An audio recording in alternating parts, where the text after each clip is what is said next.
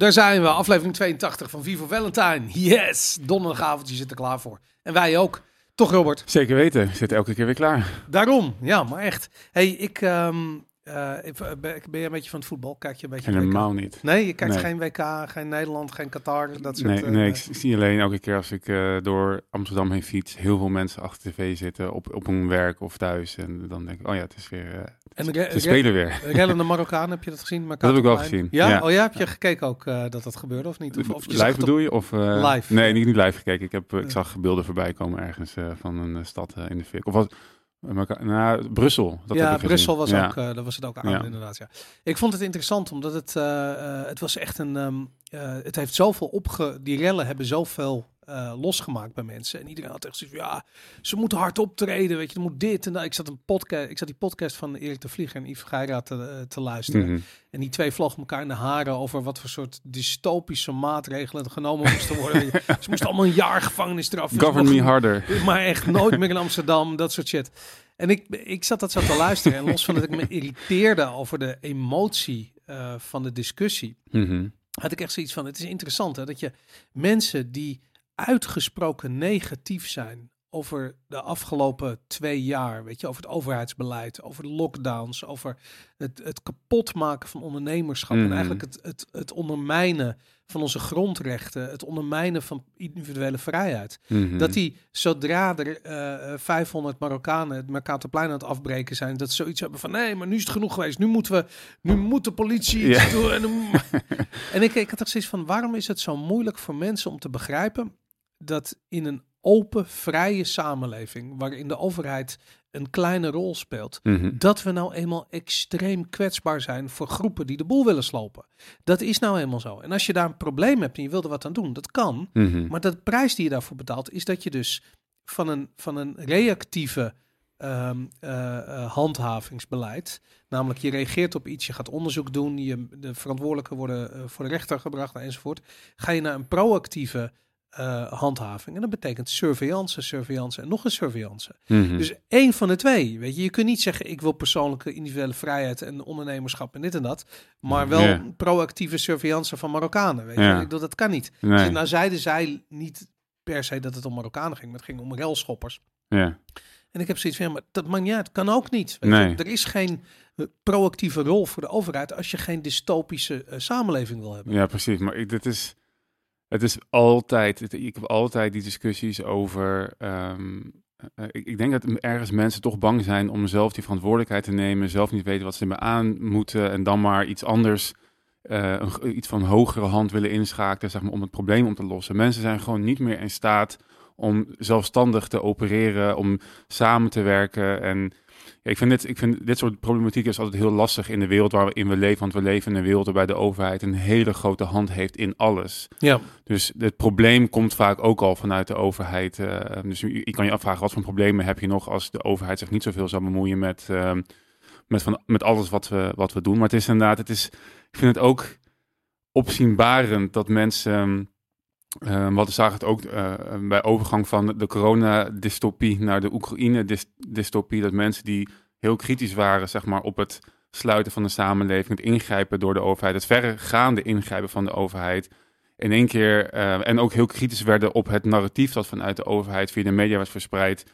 eh, in één keer klakkeloos, zeg maar, oh, Poetin bad, zeg maar, Ja. gingen. Zonder daar één seconde bij na te denken. En Bizar. wat het is, want het is, het is, het is denk ik ook, dingen zijn gewoon genuanceerd en gelaagd heel vaak. En mensen Ja. willen vaak gewoon een simpele oplossing. Dit, die is goed, die is fout. ja. En politie weten daar ook heel goed gebruik van te maken, dat uit te vergroten voor een, voor een campagne. En dan kunnen ze weer lo- loze beloftes maken. Maar het is, ik vind het ook opzienbarend dat, dat het concept vrijheid, het, het wil er gewoon niet ingaan, lijkt wel. Bij heel Nee, veel mensen. mensen. snappen niet wat het is. Nee. En ik vind het heel interessant, want het is echt letterlijk de reden waarom ik deze podcast wil Ja. beginnen in de Mhm. tijd. Het was ons allereerste gesprek van wat is vrijheid, wat is libertarisme. Mhm. En ehm, ehm, tot op de dag van vandaag realiseer ik me hoe noodzakelijk het is dat mensen krijgen uitgelegd wat dat is. Weet je, Mhm. hoe ook het idee dat je hebt of een overheid die alles bepaalt en alles stuurt en alles regelt,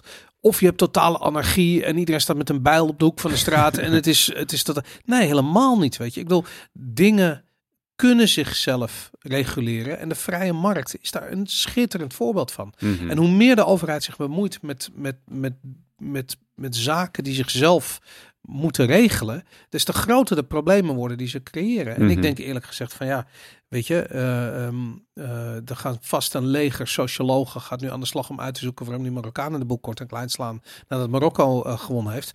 Maar wie weet, misschien is het wel zo dat ze, weet ik veel, twee jaar lang opgesloten zijn of vanwege de, eh de asieldiscussie zich gestigmatiseerd voelen en nu in een groep eindelijk zich weer sterk voelen en weet ik veel. Ik heb geen idee. Het Mhm. maakt ook helemaal geen donder uit. Ze moeten niet de boel kort en klein slaan. Mhm. Maar de, het antwoord daarop is niet, oh fuck het, Meer dan maar meer overheid, weet je. Dat is gewoon, ja, Ja. vind ik echt krankzinnig. En dat is inderdaad, eh, het is, ik heb natuurlijk bij de LP, ik loop daar nu al heel lang rond en ik heb in het begin geprobeerd om de boodschap ehm, eh, anders te verpakken. Omdat sommige dingen, direct wat we het vorige zondag gehad over ehm, kapitalisme en dat soort, eh, eh, dat soort termen, eh, vrije markt, dat wordt, dat wordt, het klinkt bijna voor heel veel mensen al fascistisch, zeg maar, als je dat in de Ja. mond eh, Ja, maar neemt. omdat kapitalisme heeft een stigma gekregen. Dat Ja. woord heeft gewoon een stigma. Ja. Het is niets anders dan kapitaal in handen van de vrije markt. Ja. Ik bedoel, vraag en aanbod. That's what it is. Maar de- ergens ben je dan toch een babyhatende fascist of zo. Ik weet niet hoe Ja. dat... Hoe dat, dit is, dat is een echt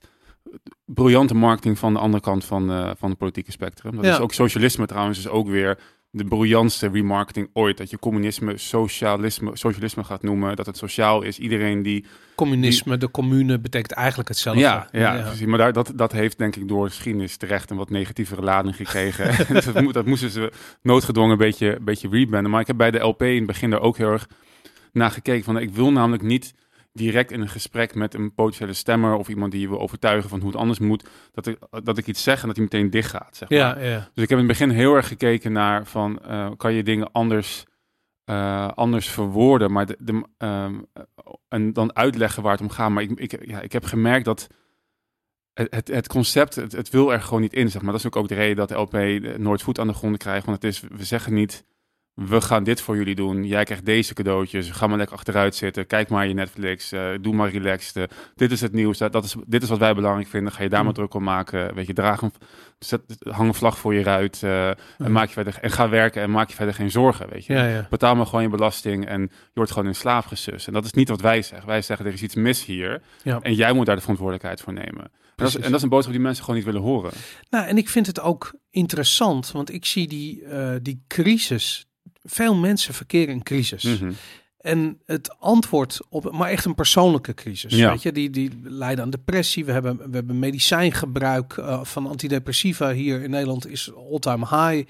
Eh, en het antwoord op heel veel van dat soort eh, crisis, crisis, Mhm. is dat, eh, eh, dat, dat mensen zelf weer terugkeren naar zichzelf. eh, en beginnen verantwoordelijkheid te nemen voor, hun, voor zichzelf. Mhm. En vervolgens voor hun omgeving. En van daaruit te redeneren. Want ja, dat, dat collectivisme, op een gegeven moment kom je erachter dat er niemand iets geeft om jou. Weet je, want het individu, daar is geen plek voor in een communistisch of socialistisch systeem. Mhm. En als mensen erachter komen, voelen zich ontzettend eenzaam in de steek gelaten door het systeem. Mhm. En dat is, ja, vroeg of later kom je erachter en dan heb je een Mhm. probleem. Dus daarom zie je dat, dat zeker mensen die daar niet, eh, die van huis uit heel erg mee hebben gekregen van je moet verantwoordelijkheid nemen voor je eigen eh, eh, leven, voor je eigen gedrag, voor je eigen eh, keuzes, voor, je, voor de inrichting van je leven. Maak je fucking bed op. Weet je wat Jordan Peterson zegt? Ja. Ik had het vanochtend daar nog met iemand over.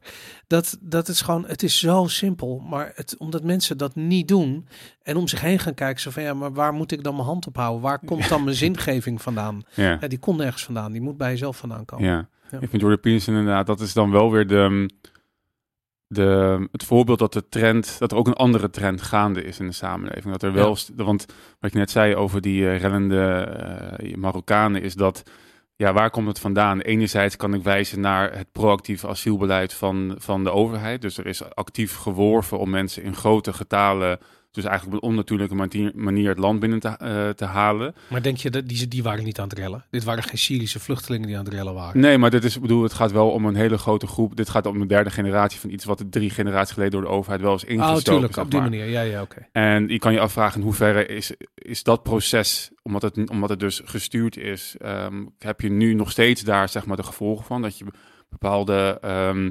subgroepen krijgt in de samenleving die meer tot elkaar toetrekken, dat het niet, een, dat het, dat het niet meer een, eh, een geheel is. Ik weet het niet, dat, maar in ieder geval heeft de overheid daar zeg maar ook een hand in. In hoeverre is inderdaad de, eh, de, de pandemie waarbij je twee jaar hebt stilgestaan en de depressies de pan uitreizen, ehm, heeft, heeft dat een oorzaak? Eh, Nou, om heel eerlijk te zijn, man. Ik bedoel, als Ajax vroeger won, dan werd de Leidseplein ook afgebroken. Weet Ja, je? ja, en die ja. avondwinkel die er zat, die geplunderd werd. Hoe vaak heb ik dat niet gezien? Maar ik denk ook dat dat hetzelfde is. Ik denk namelijk dat die zingeving en die verantwoordelijkheid nemen voor jezelf al heel lang ontbreekt in de samenleving. En dat dat.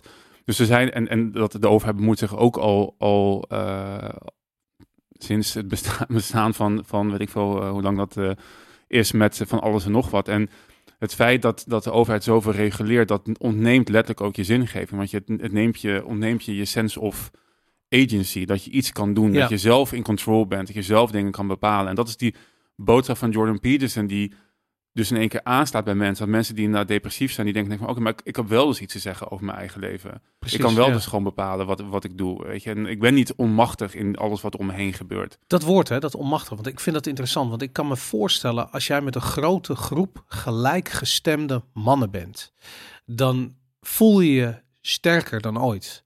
Dan hoeft er maar eentje een baksteen op te rapen Mhm. en de energie te richten op de bushokjes en weet ik veel wat er allemaal eh, auto's die voorbij komen. Ik weet het maakt niet uit. Maar dan misschien als je je hele leven zo onmachtig voelt en dat je opeens in Mhm. een situatie verkeert waarop je echt oppermachtig bent, want niemand maakt je wat als je met 500 gelijkgestemden eh begint met Ja, bakstenen te gooien. ja, Dan ja, het zou een antwoord kunnen zijn op die machteloosheid. Maar die machteloosheid is absoluut terug te voeren op het, eh, eh, op het collectivisme. Weet je? Ja. Op het feit dat je dus niet meer als individu aangekeken wordt voor je acties, maar dat je als collectief beoordeeld wordt, waardoor je als individu er niet meer toe doet. Ja, je zag ook bij, ik weet dus niet of het Brussel of Nederland was, maar je zag ook een, nee dat was Nederland, waar een Nederlands politieagenten, dat ergens op een kruispunt eh, heel veel mensen waren, er werd vuurwerk afgestoken, best dichtbij bij die agenten. En die ging dus een beetje kijken van wie was dat, maar er het was zo'n grote groep, zeg maar, dat ze dus niet iets konden doen. Je voelde echt inderdaad die machtbalans, zeg maar, helemaal Ja, omstaan. En dat is wat er dus overal in de wereld gebeurt. Ik denk ook dat het de oorzaak is van heel veel problemen, is dat mensen die dus zich onmachtig voelen, dat op een hele verkeerde manier gaan compenseren. ja. In plaats zoals van. Rutte. Ik- Dat is precies wat ik wilde zeggen, inderdaad. Ja, nee, precies, inderdaad. Dat is echt. Dat Hugo de Jonge. Po- ja, politici, en- precies, ja. politici die dus, die dus een gebrek aan eigenwaarde hebben, die, die, of aan zingeving in hun leven. En dan vervolgens inderdaad een bullshit, bullshit job nemen om er wel te toe doen. Ja, En, en dat, nou goed, en dat zie je eh, bij politici, maar ik denk bij heel veel mensen die binnen de overheid werken. En ook op andere plekken. Op andere plekken is het vaak iets minder schadelijk, omdat er geen geweldsmonopolie aan vastzit. Maar er zijn zoveel mensen die, die dan die hun zingeving uit iets. Ja, ik weet niet of je zingeving. Ik bedoel, ik snap je kan een heel, hele zingevende baan hebben, maar vaak, weet je, helemaal als het een bureaucratiebaan is en je moet regels opleggen, dan is dat niet echt heel erg zingevend. Maar en, en ik denk nog steeds dat het ook sowieso überhaupt iets is wat vanuit jezelf moet komen, in plaats van dat je het aan een externe factor eh, gaat hangen. En Ja. als meer mensen dat proces zouden durven doorlopen en zichzelf meer zouden durven aankijken, dan krijgen niet meer de Ruttes en de, en de, de jongens van de wereld of reddende Marokkanen. Dan, weet je, dan, dan, dan is het gewoon, ja, dan zit je in zo'n andere situatie. Ja, nou, ik kan niet wachten totdat eh, die mensen weer opstaan en eh, ja, de touwtjes in handen nemen, laat ik het zo zeggen. Ja, Eh, niet dat, dat ehm, corruptie dan weg is of zo, maar het is meer erger dan dit kan bijna niet, weet je. We hebben wel een soort van piek, ehm, ja, piek niet verantwoordelijkheid nemen, Mhm. weet je. Ik bedoel, eh, letterlijk de overheid kan niks meer doen zonder dat er een of ander eh, eh, adviesbureau voor de 5 miljoen onderzoek doet en Ja. een advies uitbrengt, weet je. Ik bedoel, what the fuck. Mensen kunnen toch ook zelf gewoon nadenken en dat, dat is heel moeilijk op dit ogenblik. ja, ik moet nog steeds denken aan, heb ik al een keer eerder genoemd volgens mij, de, ehm, toen ik bij de gemeente Amsterdam werkte en er was een stroomstoring in Amsterdam. Dat de gemeente Amsterdam ook tweette, we, we roepen iedereen op om vooral ehm, eh, eh, rustig te blijven, na, rustig te blijven en te blijven nadenken bij wat ze doen. maar zelf doen ze dat niet, om door zo'n tweet te sturen. Ja, Dat- het is echt, ik denk echt van, het, maar het, het liet zo goed zien hoe mensen binnen de overheid denken over mensen die niet binnen het overheid denken. Waar we het vorige week Ja. ook over hadden, die rechter, die heeft het daadwerkelijk gezegd, het volk is dom. Ja, En wat dat vinden, dat vinden eh, veel ambtenaren zo niet, eh, vinden dat ook. En die vinden dat zij zijn ingesteld, dat is hun, da- daar, daar leven zij van op. Wij zijn ingesteld om dat klootjesvolken eventjes in goede banen Ja. te leiden. En als wij niet zijn, dan gaat het al- alle kanten op. eh. ja. ja interessant inderdaad. Ja, ik, ik, vind, ik denk dat iedereen daar op een bepaalde manier zo over denkt. Ehm, en kijkt naar de massa en zegt van, nou, die zijn dom. Weet Mhm. je, maar iedereen zit op zijn eigen kleine eh, eilandje van specialisatie. En daarin zijn ze niet dom. Mhm. Maar in het grotere geheel is iedereen eigenlijk machteloos en dom. En dat is Mm. gewoon heel erg naar. Mhm. Weet je, dat eh, ik bedoel, één grote, weet ik veel, meteorietinslag en we zijn weg. Weet je, met al onze goede ideeën en onze klimaatverandering en weet ik veel wat. Weet je, ik bedoel, dat eh, eh, het, het redt je niks. Mhm. Weet je, ik bedoel, wij zijn gewoon ontzettend kwetsbaar. We zijn zakken water, weet je, met een klein beetje spieren. Dus we zijn gewoon ontzettend kwetsbaar. En dat is, eh, dat is soms naar om dat, dat zo te ervaren, inderdaad. Dat is een hele goede spirituele oefening om daarop te mediteren. Om over, op de kwetsbaarheid en de, en de sterfelijkheid van je, van je bestaan. Oké. Dan worden zaken een wat, in een wat eerbiediger perspectief geplaatst. Dat is toch ook wat, eh, eh, eh, wat de Shaolin monniken deden. Dat die elke dag aan het mediteren waren over hoe ze zouden sterven in de Oh, strijd. Oh, wow. En vervolgens daarmee de dood overwonnen. Of eigenlijk de angst voor de dood overwonnen. Ja, want dat is het. Je moet inderdaad de angst voor de dood overwinnen. Ja. En, en, maar het geeft je ook... Ik heb, eh, ik heb een tijdje geleden liet ik een boek aan je zien, The Untethered Soul van Michael Singer. Ja. En ik heb dat, ik, ik ben altijd, ik, ik vond het een supergoed boek, maar ik laat het dan weer heel lang liggen. Dus ik heb het van de week uitgelezen. En het eindigde ook met dat, dus met dat, ehm, dat mediteren op, eh, op sterfelijkheid. Maar het is grappig, want er zat eigenlijk een soort van vrije marktkapitalistisch idee achter wat hij zei. Want hij zei, op het moment dat, dat jij oneindig tijd hebt, Mhm. wat is dan nog waard? Ja, ja, precies. Ja, en dat is met, is met alles zo. Alles wat oneindig Als je aanwezig geld is, hebt, is oneindig geld is het wa- wat, wat we nu aan het doen zijn, ja. dan is het waardeloos. En ik vond het zo'n interessante, ehm, maar ook weer zo'n logische opvatting natuurlijk, dat op het moment dat jij ehm, alles, dat, dat is het vrije marktprincipe of het economisch principe, hoe, van hoe meer van je iets hebt, hoe minder waard het is. Ja. En jouw tijd is eindig. Dus de dood maakt het leven daardoor waardevol. Ja. En ik, ik, ik, vond, ja, ik vond het een hele interessante ehm, eh, kijk op het leven. En ik denk, hij zegt, je moet inderdaad gewoon eigenlijk bedenken, wat als dit je laatste week is? En richt je leven zo in. Het is toch ook zo, ik las laatst zo'n quote van iemand die had, eh, eh, weet ik veel, te horen gekregen dat hij nog maar een x aantal maanden te leven had. En vervolgens daarop reageert als van, het zijn de beste maanden van mijn leven. Ja, precies. Omdat opeens ga je heel bewust leven. Ja. Ik bedoel, elke kop koffie kan de laatste zijn. Elke Mhm. wandeling is de laatste. Ja, je gaat daar heel erg... Je gaat in het nu leven. Je wordt Mhm. gedwongen nu. En dat, dat is wat mensen altijd zouden moeten doen. Nou. ja. Uit hun hoofd, uit dat morgen, morgen, morgen plannetjes maken.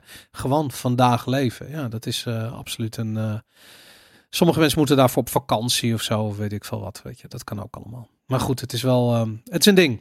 Hey, laten we naar de Central Bank Digital Currency gaan. Eh, we hebben ehm, eh, een prachtige uitspraak hier van ehm, eh, onze grote vriendin Meloni, eh, Giorgia Meloni. Dit stond in The Times.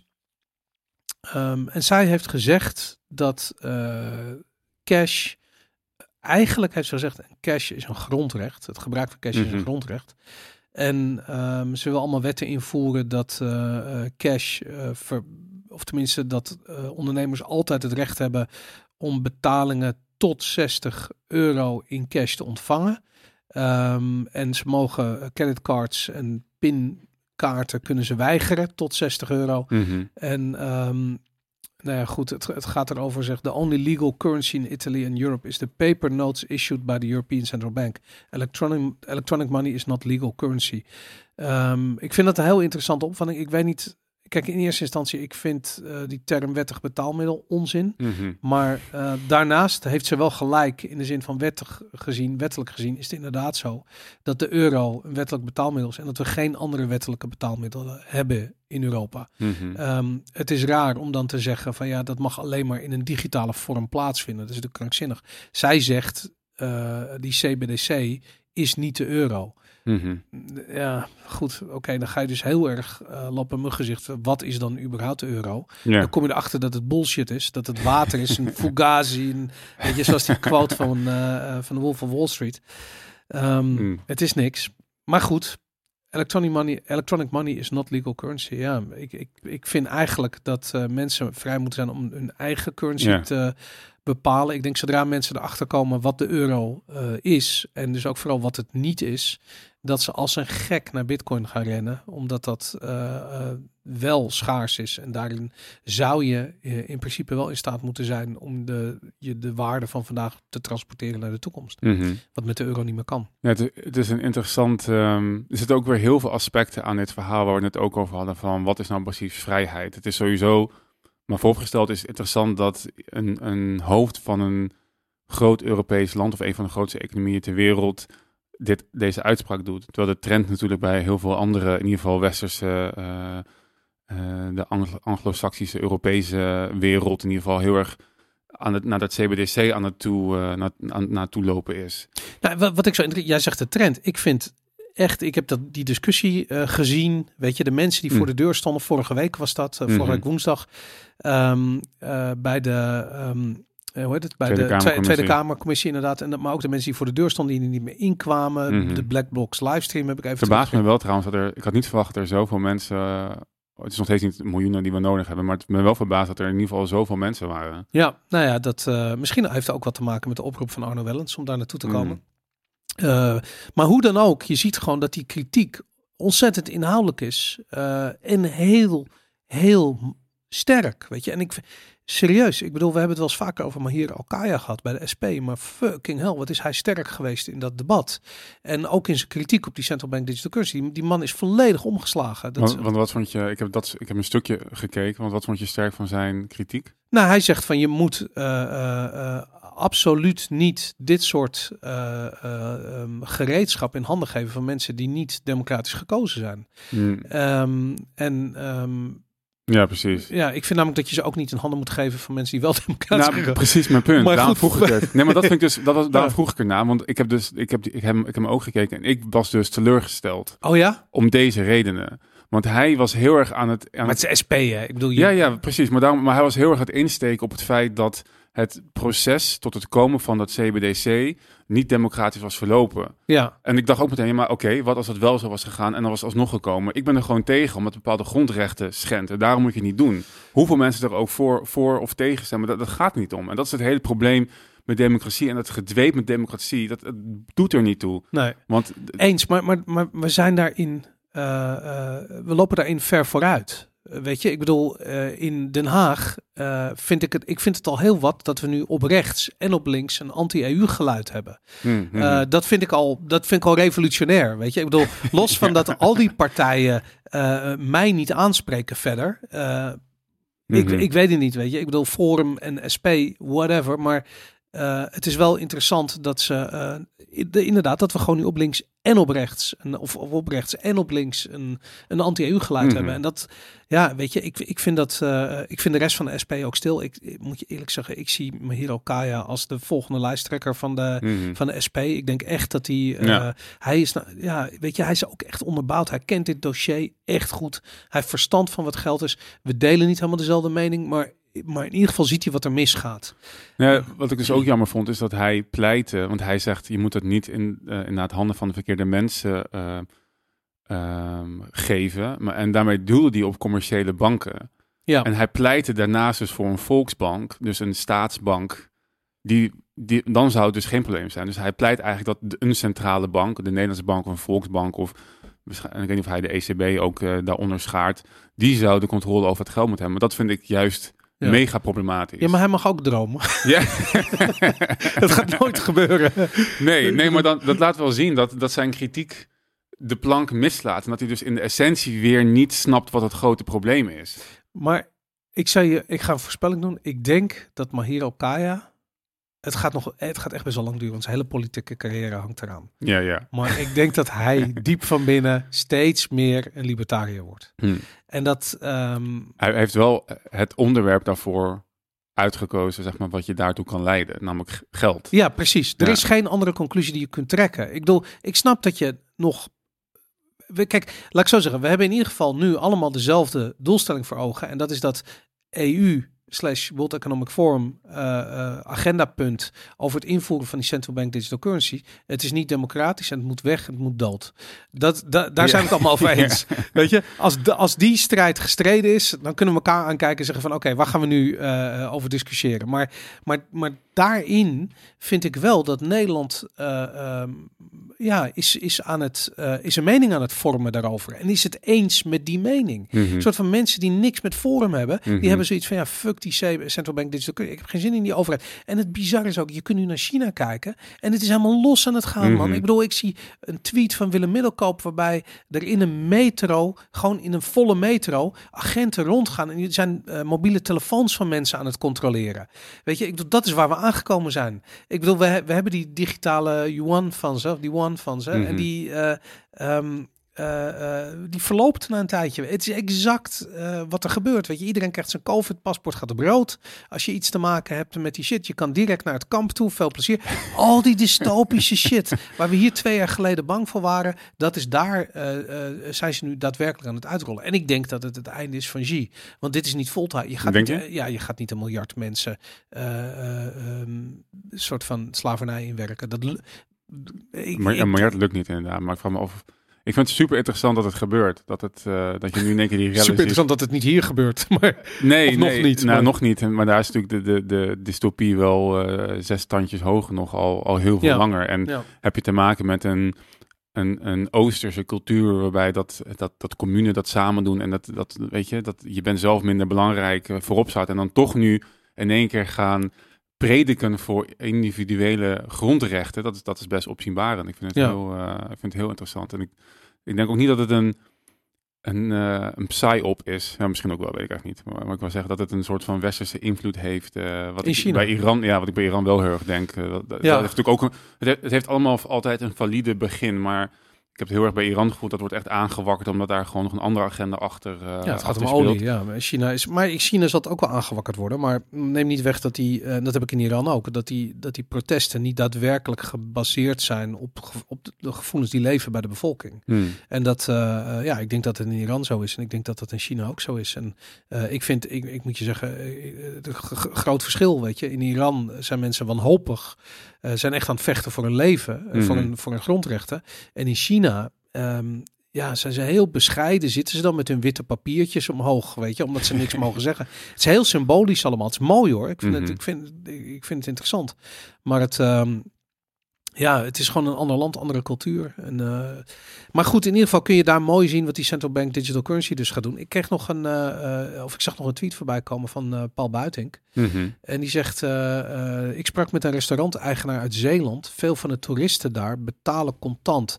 En dus heeft hij veel cash in huis. Zijn bank maand hem nu om minder cash in te leveren. Anders wordt de relatie opgezegd. Mm. Contant wordt niet afgeschaft, maar ontmoedigd. en dat komt natuurlijk op hetzelfde neer. Ja, precies. Ja, dat is um, interessant. En dat sowieso, die laatste zin vind ik ook interessant. Want ik denk dus, als je kijkt naar hoe gaat dit zich nou ontvouwen, waar gaan we nou naartoe? Ik denk dus dat, um, ik denk dat er weinig zaken verboden gaan worden, maar dat er, dat er ook heel veel heel zwaar ontmoedigd gaat, uh, gaat worden. En ook bijvoorbeeld, nou, ik neem bijvoorbeeld vliegreizen. Mensen, heel veel mensen die denken dat vliegen uiteindelijk verboden zou worden. Ik denk niet dat het zover gaat komen. Het wordt gewoon duur. Maar het wordt peperduur inderdaad. Ja. En dat, voelt, dat is namelijk nog net even iets minder um, een gevoel dat je vrijheden aan het inperken bent. Helemaal als je er een mooi groen sociaal doel aan vasthangt. Dan wanneer je zegt van je mag gewoon niet meer vliegen. Dat gaat, ja. dat gaat, dan gaan te veel mensen, denk ik, uh, net zoals in China nu gebeurt, uh, direct, uh, direct protesteren. Dus maar dat, dat ontmoedigingsbeleid, dat gaat, dat gaat gebeuren. En ze gaan, ze gaan denk ik, um, juist de, de, de, de slechte maatregelen positief stimuleren. Dus je krijgt hier, weet je, hier een wallet met je CBDC. Hier krijg je vast uh, 100 euro aan CBDC. Ja. En geef het goed uit, weet je wat, dan krijg je extra sparen. En het eerste is alleen ja. maar een soort van allerlei perks die je kan verdienen door dat gedrag te vertonen. Ja. En later gaan ze dan zeg maar ook slecht gedrag uh, ja, of ontmoedigen door dat het duurder wordt of wat dan ook. Nou, ik vind dit heel interessant. Die, uh, kijk, die banken spelen gewoon een ontzettend uh, dubieuze rol in dit hele verhaal. Ehm, zoals Arno wel eens zegt, uh, die central bank digital currency dient maar één doel. En dat is diep negatieve rentes mogelijk maken. Waarbij, uh, waardoor de banken gered kunnen worden. Uh, dat is het enige wat hier speelt. Ik bedoel, alles. Als je het over klimaatverandering hebt. Als je het over die CO2-handel hebt. Um, het draait allemaal om die bankensector. Mm -hmm. En dat is gewoon waar de problemen begonnen zijn in 2008. Dat was voor het eerst duidelijk worden. Dat zijn de mensen die er verantwoordelijk voor zijn. Uh, dat zijn ook de mensen die niet verantwoordelijk worden gehouden. Um, ja, en die gaan gewoon door. En, en nu is dus het uh, agendapunt is van oké, die CBDC moet er komen, contant geld moet weg. Ja, dat uh, logisch hebben die banken er belang bij. Want als we niet naar die diep negatieve rentes toe gaan, dan, um, ja, dan hebben ze straks een heel erg groot probleem. Die kunnen niet overeind gaan, dus gaan ze dat ontmoedigen. Maar dat betekent wel dat ja als klant en ik als klant en ja als klant, wij moeten weg uit die bankaire relatie. Mm -hmm. Weet je, we moeten gewoon, en zo'n restauranteigenaar ook, die moet gewoon iets anders gaan verzinnen. En het vervelende is dat uh, zometeen uh, dit soort ondernemers, die hebben een hele stapel cash uh, in huis. En dat lekt een keertje uit. En dan, weet ik veel, een woning overvallen is het weg. Mm -hmm. um, dat is ontzettend kut. Dus je moet daar iets anders voor verzinnen. En ja, ik zou me voor kunnen stellen dat, um, dat dit soort ondernemers um, ja, met elkaar oplossingen gaan verzinnen. Weet je, mm -hmm. van hoe ga je. Want ik weet ook dat er ondernemers zijn die cash juist nodig hebben. Weet je, en ja, precies. Um, Zat ik ook aan te denken. Inderdaad, je kan een soort van netwerk opstarten waarbij je het cash dus onderling verdeelt en digitaal dan ja. uh, aan elkaar overmaakt. En ja, weet je, be your own bank. Uh, Precies, en ja. geef het net aan een collega die het nodig heeft, maar niet heeft. Geef jij het af en hij maakt het geld over. Weet ik wel, dus zet er een factuur tussen, dat soort dingen. Nou ja, maar dan heb je dus het probleem dat je in Nederland volgens mij, to, to, volgens mij is het 5 of 6.000 euro boven dat bedrag mag je niet cash uh, betalen, weet je. Dus dan, mm, mm. ja, dan ga je elkaar dus factuurtjes sturen van 5.999 euro, weet je. En dan moet je dat dan, ja, tien keer. En dan moet je dan met een autootje, moet je dat. Maar goed, allerlei regels, regels, regels. Maar hierbij, ik vind het een mooi uh, voorbeeld dat gezegde van uh, wetten uh, zorgen er niet dat mensen bepaalde dingen doen of laten. Mhm. Het zijn de prikkels, oftewel de incentives, die zorgen dat mensen bepaalde dingen doen of laten. En hier zie je een ondernemer, uh, die restauranteigenaar, die um, uh, voor de wet niks mag doen met zijn cashgeld, want hij mag niks anders doen dan dat ergens in de sok proppen. Um, maar zijn incentive is om er wel wat mee te doen. Mhm. En um, ik weet zeker dat als je die man uh, privé spreekt, dat hij allerlei oplossingen al lang verzonnen heeft. Um, maar ja, weet je, je, je kunt daar, je, dat, gaat, dat gaat underground. Dat ga je krijgen, weet je. Mhm. Als dingen niet mogen, gaat. En zo uh, is de overheid en zeker de bankensector, die is Mhm. nu een grijs circuit aan het uh, uh, opstellen. Want ja, weet je, als jij belasting moet betalen over inkomsten, maar je kunt die inkomsten niet op de bank zetten, ja, sorry, dan kan je dus geen belasting betalen. Dat betekent dat je Mhm. geen belasting meer gaat betalen.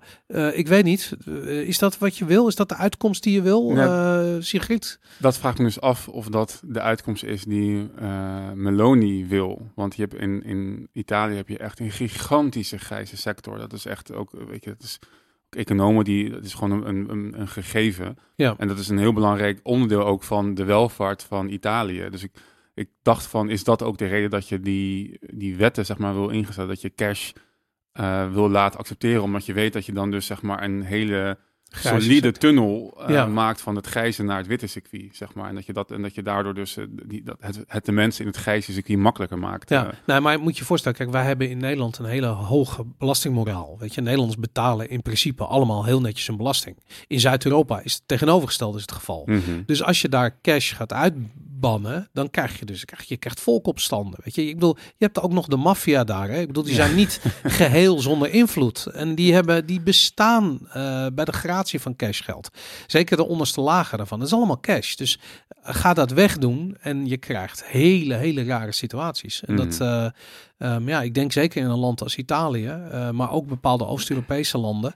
Um, net als dat we dat in Mexico zagen. Weet je. In Mexico had je dus ook geen, uh, geen lockdowns. Niet omdat de overheid dat niet wilde, maar gewoon omdat de maffia te machtig is. En zoiets zei van ja, doei, we gaan helemaal niks dicht doen. Mhm. Want dan, uh, dan verdienen we niks meer. Weet je. Dus dat uh, is heel interessant. Net zoals de Phuket in Thailand. Ja, Phuket, Thailand, exact hetzelfde. Ook door de maffia eh, geregeerd eh, ge- gebied. Allemaal mijn favoriete vakantiebestemmingen. Ja, daarom. Ja, omdat je vrij bent. Dat is gewoon het hele ding. Ja, ja, de- absoluut. Dat, Maar het is wel eh, interessant nog even over die Maloney en die regel waar je in het begin aan refereerde. ehm, en voor mij waar ik nog niet helemaal op in ben gegaan, is dat onderdeel van wat is vrijheid? Want wat je ook al aangaf, in principe, de overheid moet zich niet met ons geld bemoeien. Zeg maar. Ja. Ook Maloney eigenlijk niet. En dat is eigenlijk wel zeg maar, de standaard die we moeten, moeten hanteren, ook als we hier naar kijken. Ik ben, je kan altijd zeggen van ja, als je dingen gaat afdwingen, dan heb ik liever dingen dat je dingen afdwingt die zeg maar goed zijn. Maar Mhm. er ligt al een probleem met afdwingen. Je bent dan al bezig met het manipuleren van ehm, de natuurlijke flow van menselijke interactie. En dat leidt altijd tot problemen. Ja. En wat ik, het is mooi dat het, dat het een, een trend is, anders dan bij andere Europese leiders. Maar ik denk dat elke onderneming zelf moet bepalen of die wel of niet cash wil hebben, of die pin wil accepteren of niet. Tuurlijk, ja, ja. En dat is iets, en dat vond ik ook bijvoorbeeld heel sprekend van eh de centers in Florida tijdens eh, de, de pandemie. Dat hij, voor mij, hij heeft het toen verboden om mondkapjesplicht in te voeren Ja. bij je bedrijf. Terwijl dat, ik zeg, dat is een contractsrecht van jou en je werknemer. Werkgever en werknemer moeten samen overeenkomen wat de afspraak is met betrekking tot eh, ja.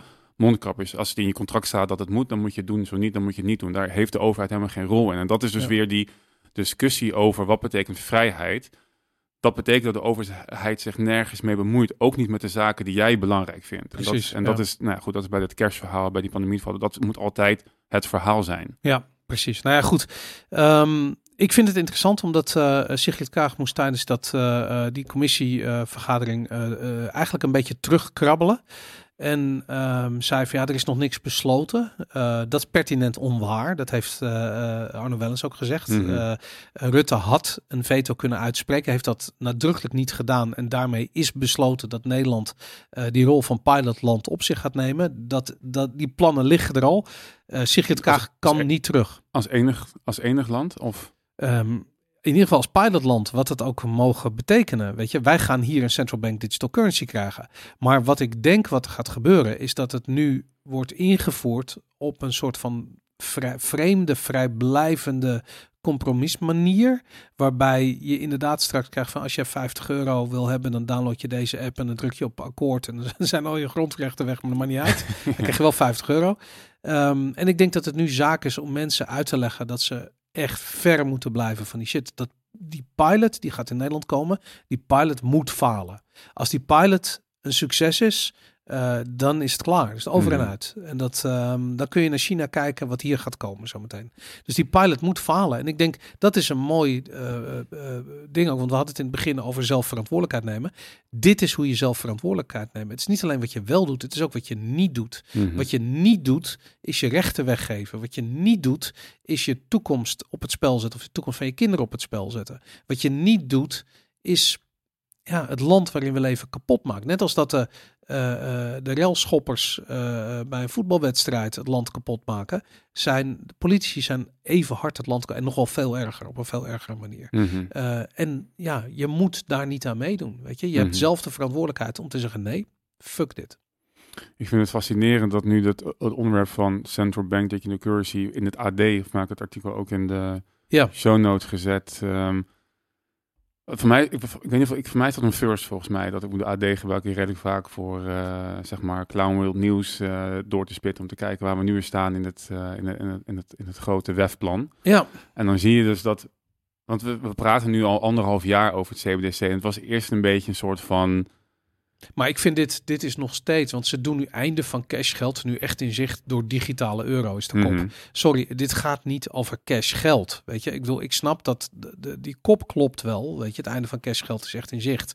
Maar eh, eh, weet je, als we eh, Klaas Klot moeten geloven, dan is cashgeld nog heel erg belangrijk. En dan wordt het echt niet ontmoedigd. Nou, dat gebeurt ja. natuurlijk wel in de praktijk. Het staat ook in dat ik heb het kamerstuk gelezen van die commissievergadering. Staat het ook in dat dat het, dat cash is heel belangrijk. Dus de eigen is heel heel de rare dubbele. ehm, Ja, maar daarom is dit artikel is wel degelijk Clown World. Want de, de boodschap die overkomt is dat het iedereen eh, eh, laat wennen aan het idee dat het einde van cashgeld nu echt in zicht is. Nee, daarom. Mijn punt is ook niet dat het een goed artikel is. Mijn punt is dat. Mijn punt is dat het nu bij het AD zo wordt geëtaleerd. Ja, En dan zijn we, dat vind ik een nieuwe fase. alsof we blij moeten zijn over het einde van cashgeld. Weet je, ik bedoel, Ja. sorry, maar die hele euro is een nachtmerrie. Die CBDC wordt, wordt een dystopische nachtmerrie. En eh, we moeten de hele andere kant op. Einde van cashgeld, nee, het einde van de euro is nu echt in zicht. En ehm, eh, dat komt niet door de digitale euro, maar dat komt door de gewone euro die helemaal kapot geprint is en je koopkracht heeft gestolen. En dat is, dat vind ik ook zo'n ding. Hè.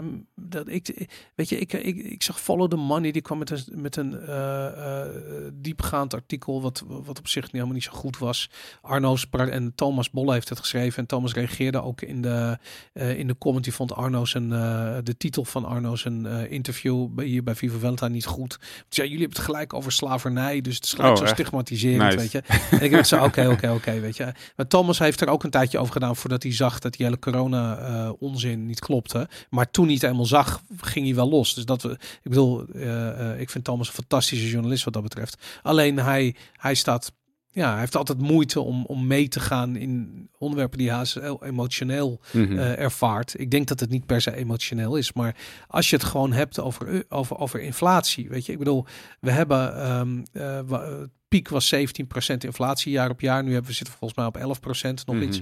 Ehm, volgens mij hebben we daar ook Staat een, ook, eh, ja, het staat in er ook in. ik ga het- ik ga het gewoon even bij- CBS. Even kijken of het CBS inderdaad. Ja, ja, daar zijn we. Hier, hoppa. 11,2 procent. 11,2% hoger in november dan een jaar geleden. Eh nou ja, dit is dan eh, de geharmoniseerde consumentenprijsindex. Eh, ze hebben steeds een nieuwe index, weet je, om het iets minder erg te maken. Maar of het nou 17% is, of 20% of 11%, ehm, eh, het doet er niet zo heel veel toe. Je, het is diefstal. Weet je, en je kunt zeggen van ja, maar we moeten terug naar die 2% regel. Maar 2% geldontwaarding is 2% diefstal. Mhm. Weet je, als er bij jou wordt ingebroken vannacht en eh, er wordt maar 2% van alles wat je in je huis hebt staan eh, gejat. Ja, misschien valt dat niet heel erg op, weet je. Ik bedoel, dat zijn net je sokken en eh kut, waar had ik die gelaten. ja, daar gaan die sokken heen elke Precies, keer. ja. omdat, die worden gewoon gestolen door, eh, eh, door, door, door, door, door, door de ECB. En dat, ehm, dat is natuurlijk het hele ding. Dat is het verdienmodel. Ik, ik snap het ook niet. Hè. Ik, snap, ik snap nog steeds niet de, het argument voor die 2% inflatie. Ik snap dat niet. Ik snap niet wat het... Ik bedoel, de achterliggende idee wel, want het is nou gewoon diefstal. Ja, Maar het argument wat zij gebruiken waarom dat nodig is, waarom het gezond zou zijn om 2% inflatie te hebben. ja, maar omdat je hebt geen economie gestudeerd. Nee, lijkt me weer. Anders was je namelijk geïndoctrineerd met, met dat, soort, eh, eh, dat soort shit, weet je. Want dat is wat het is. Ja. En de, wat, wat ze zeggen is van ja, maar als je niet eh, dat geld is nodig, want dat moet dan daarmee wordt het, weet je, het wordt- geld wordt in de economie gepompt en dan zijn er geen investeringen en blijkbaar zonder investeringen is er geen economische groei. Dus eigenlijk zeggen ze die 2% is nodig om de economie te laten groeien. Ehm, ja, kijk, op papier hebben ze dat werkend gekregen. Want die eh eh 2%, eh, eh, weet je, als dat overheidsuitgaven zijn, ja, dan groeit de economie. In coronatijd is de economie gegroeid. Ja, tuurlijk, weet je, dat is inderdaad gebeurd. Maar eh, het is niet werkelijke groei. Er is niet daadwerkelijk iets geproduceerd. Er is Mhm. niet, het enige is dat mensen gewoon checks hebben gekregen en geld hebben gekregen. En dat ze gek zijn gaan uitgeven toen het weer mocht. Mhm. Ja, dan groeit de economie. Maar eh, ja, eh, voegt het iets toe aan de economie of aan onze samenleving? Nee, helemaal niks. Het is gewoon diefstal. Kan ik er niks, eh, aan Ja. toevoegen. Nee, inderdaad. Maar goed, dus de central bank digital currency eh, heeft alles te maken met deze. Want dat vind ik wel, hè. Je gaat zo meteen ehm, diep negatieve rentes krijgen. We hebben Mhm. nu een rente van 4%, geloof ik. eh, eh, of de ECB hanteert een rente van 4%. Ehm, dat is nog steeds met een reële rente of een, een reële inflatie van 11,2% volgens de geharmoniseerde consumentenprijsindex. Is dat, eh, ehm, eh, is dat nog steeds gewoon een negatieve groei van kapitaal. Weet je, dat betekent je geld wordt gewoon nog steeds veel minder waard. Mhm. Dus dat ehm, eh, ook al leen je uit tegen 4%, als je 11% inflatie hebt, ja, dan verlies je gewoon echt geld. Mhm. Weet je, dus dat netto hou je minder over.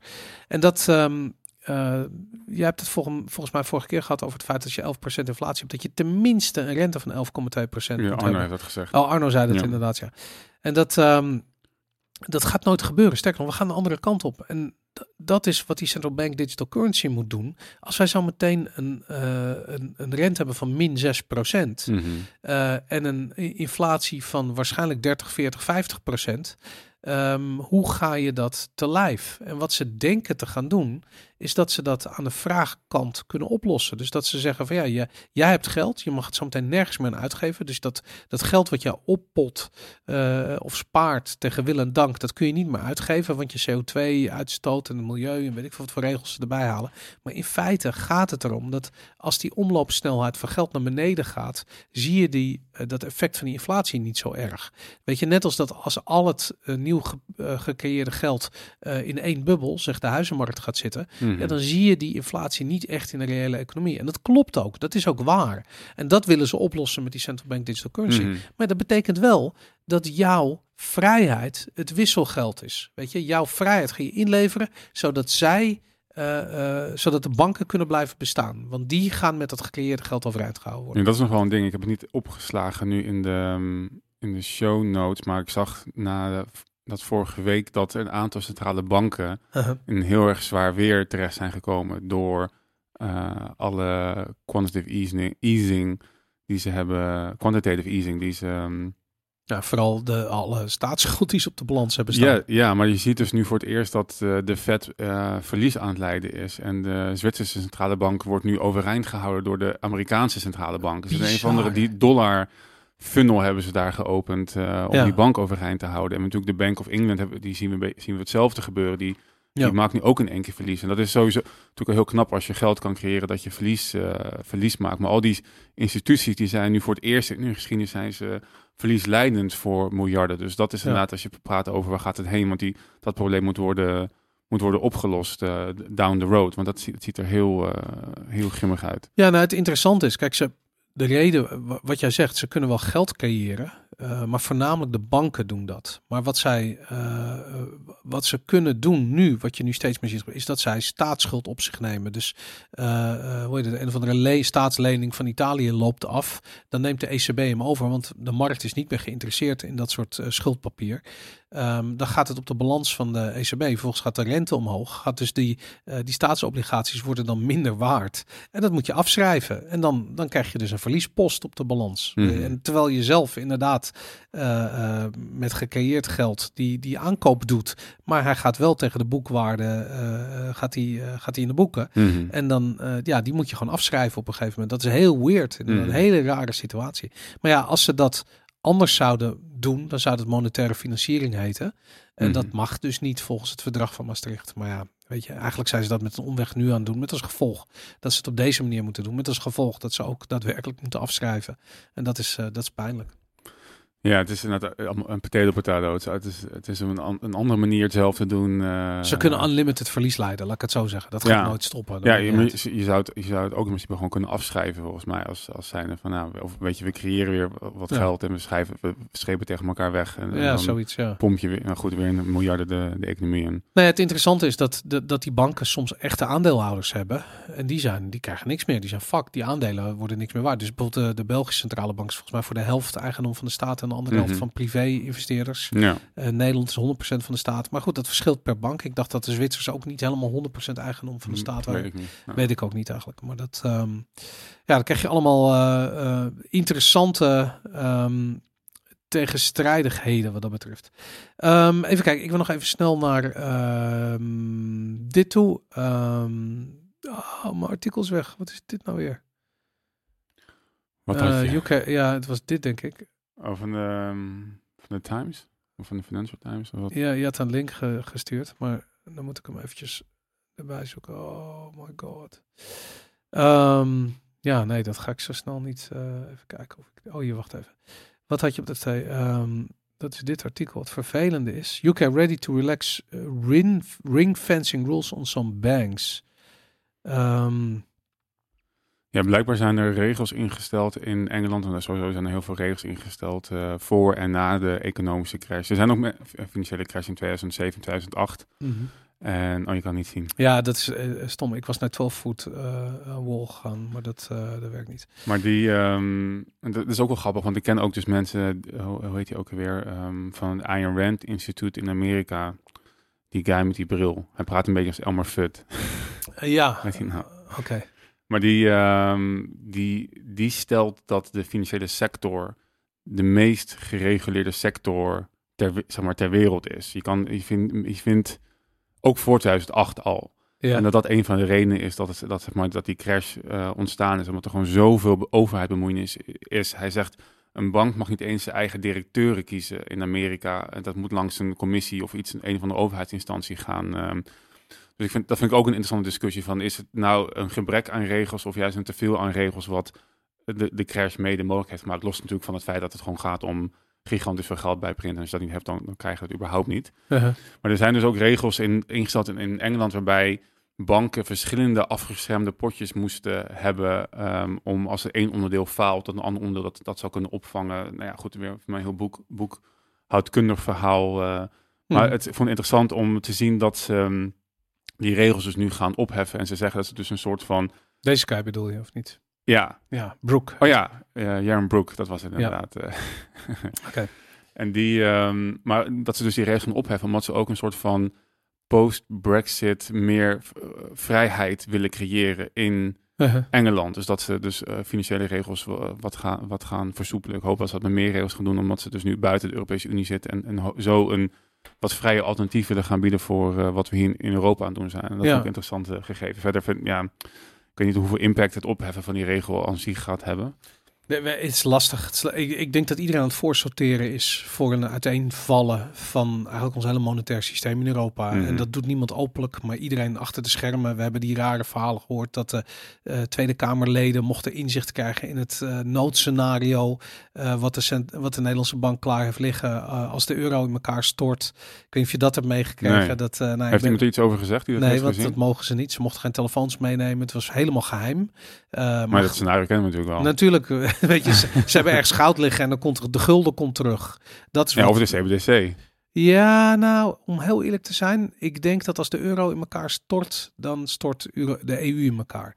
En dan is die CBDC, die gaan ze niet op Nederlands niveau uitrollen. Dat is echt een... Denk je? Ja, Want dat nee, was dat, heb je filmpje nog gekeken van Ruben? Dat, uh, over de CBDC en het scenario van hoe gaan we daar uiteindelijk terechtkomen? Ja, ja maar ik, ik, ik moet zeggen, dat was een mening van, van, van iemand, van iemand die, waarvan ik zoiets heb, ja, ik, ik weet niet. Dat uh, het maakte voor mij geen sens in ieder geval. Maar um, ik, de, ik denk wel dat je... Um, uh, ja. Maar dan denk je dus dat het niet gaat lukken? Ik denk dat de CBDC niet gaat lukken en dat de EU in elkaar klapt en dat we straks weer terug gaan naar de gulden. En hopelijk gaan we dan naar een bitcoin standaard of iets anders of een verschillende hoeveelheid of een zoektocht naar geld. Het maakt niet uit. Maar uh, wat we nu hebben met deze diefstal, met deze inflatie, uh, dit, het moet stoppen. Het mm -hmm. moet echt stoppen. Maar, dat, maar dat is dan best op korte termijn, want ik zie niet dat het nog, paar, dat het nog jaren doorgaat zoals het nu... Uh nu eruit ziet. Ja, de, maar dat is, dat is altijd met, met, met dit soort gigantische systematische veranderingen. Weet je, je denkt, het is net als, als, als, als een tosti, weet je. Ik bedoel, je, het zit, als je naar het broodrooster gaat kijken en wacht tot hij eruit komt, dan gebeurt het niet. Maar draai je even om en tjoep, komt het brood eruit, weet je. Dat is met dit ook zo. Ja, als je erop gaat zitten wachten, gaat het niet gebeuren. En dat is wel een, beetje ding, weet je. Ook met onze podcast, maar heel veel podcasts. En mensen zitten erop te wachten mm -hmm. dat de boel in elkaar klapt ik denk niet dat het zo snel gaat gebeuren, maar het gaat gebeuren. Ik bedoel, dat het gaat gebeuren is onvermijdelijk. Nu, ik, heb, ik heb begrepen dat Pieter Schiff ook al um, acht jaar roept dat het volgend jaar klaar is ja, met, uh, met de dollar. Hij is een goldbug, dus ja. hij roept of het zei niet vorige jaar. week, zie jij dat? Maar al die goudgasten roepen dat al, ja. al, al twintig jaar, weet je. Uiteindelijk krijgen ze gelijk. Ja. ja. wanneer? Dat is het hele ding, weet je. Ik bedoel, uh, goud gaat vast ook naar een miljoen toe en uh, bitcoin en olie en weet ik wat. Maar wanneer? Weet je, ja, geen idee. Dat, goed. Oké jongens, uh, dit was uh, de 82e aflevering van Vivo Valentine. Uh, we gaan verder op vivovalentine.com. check het, het is voor tribe members. Als je een tribe member bent, dan ben je een bazige baas. Dan houden we van je, maar we houden sowieso ook van je. We hebben ook een aantal boosts binnengekregen via de Fountain app. Mensen die de podcast luisteren via de Fountain app kunnen daar een boost sturen. Daar kun je een berichtje aan vastplakken. die gaan we voorlezen in de, um, ja, in de extra uitzending waar we zo verder mee gaan. Maar goed, voor nu bedankt voor het kijken. Ik zie je volgende week.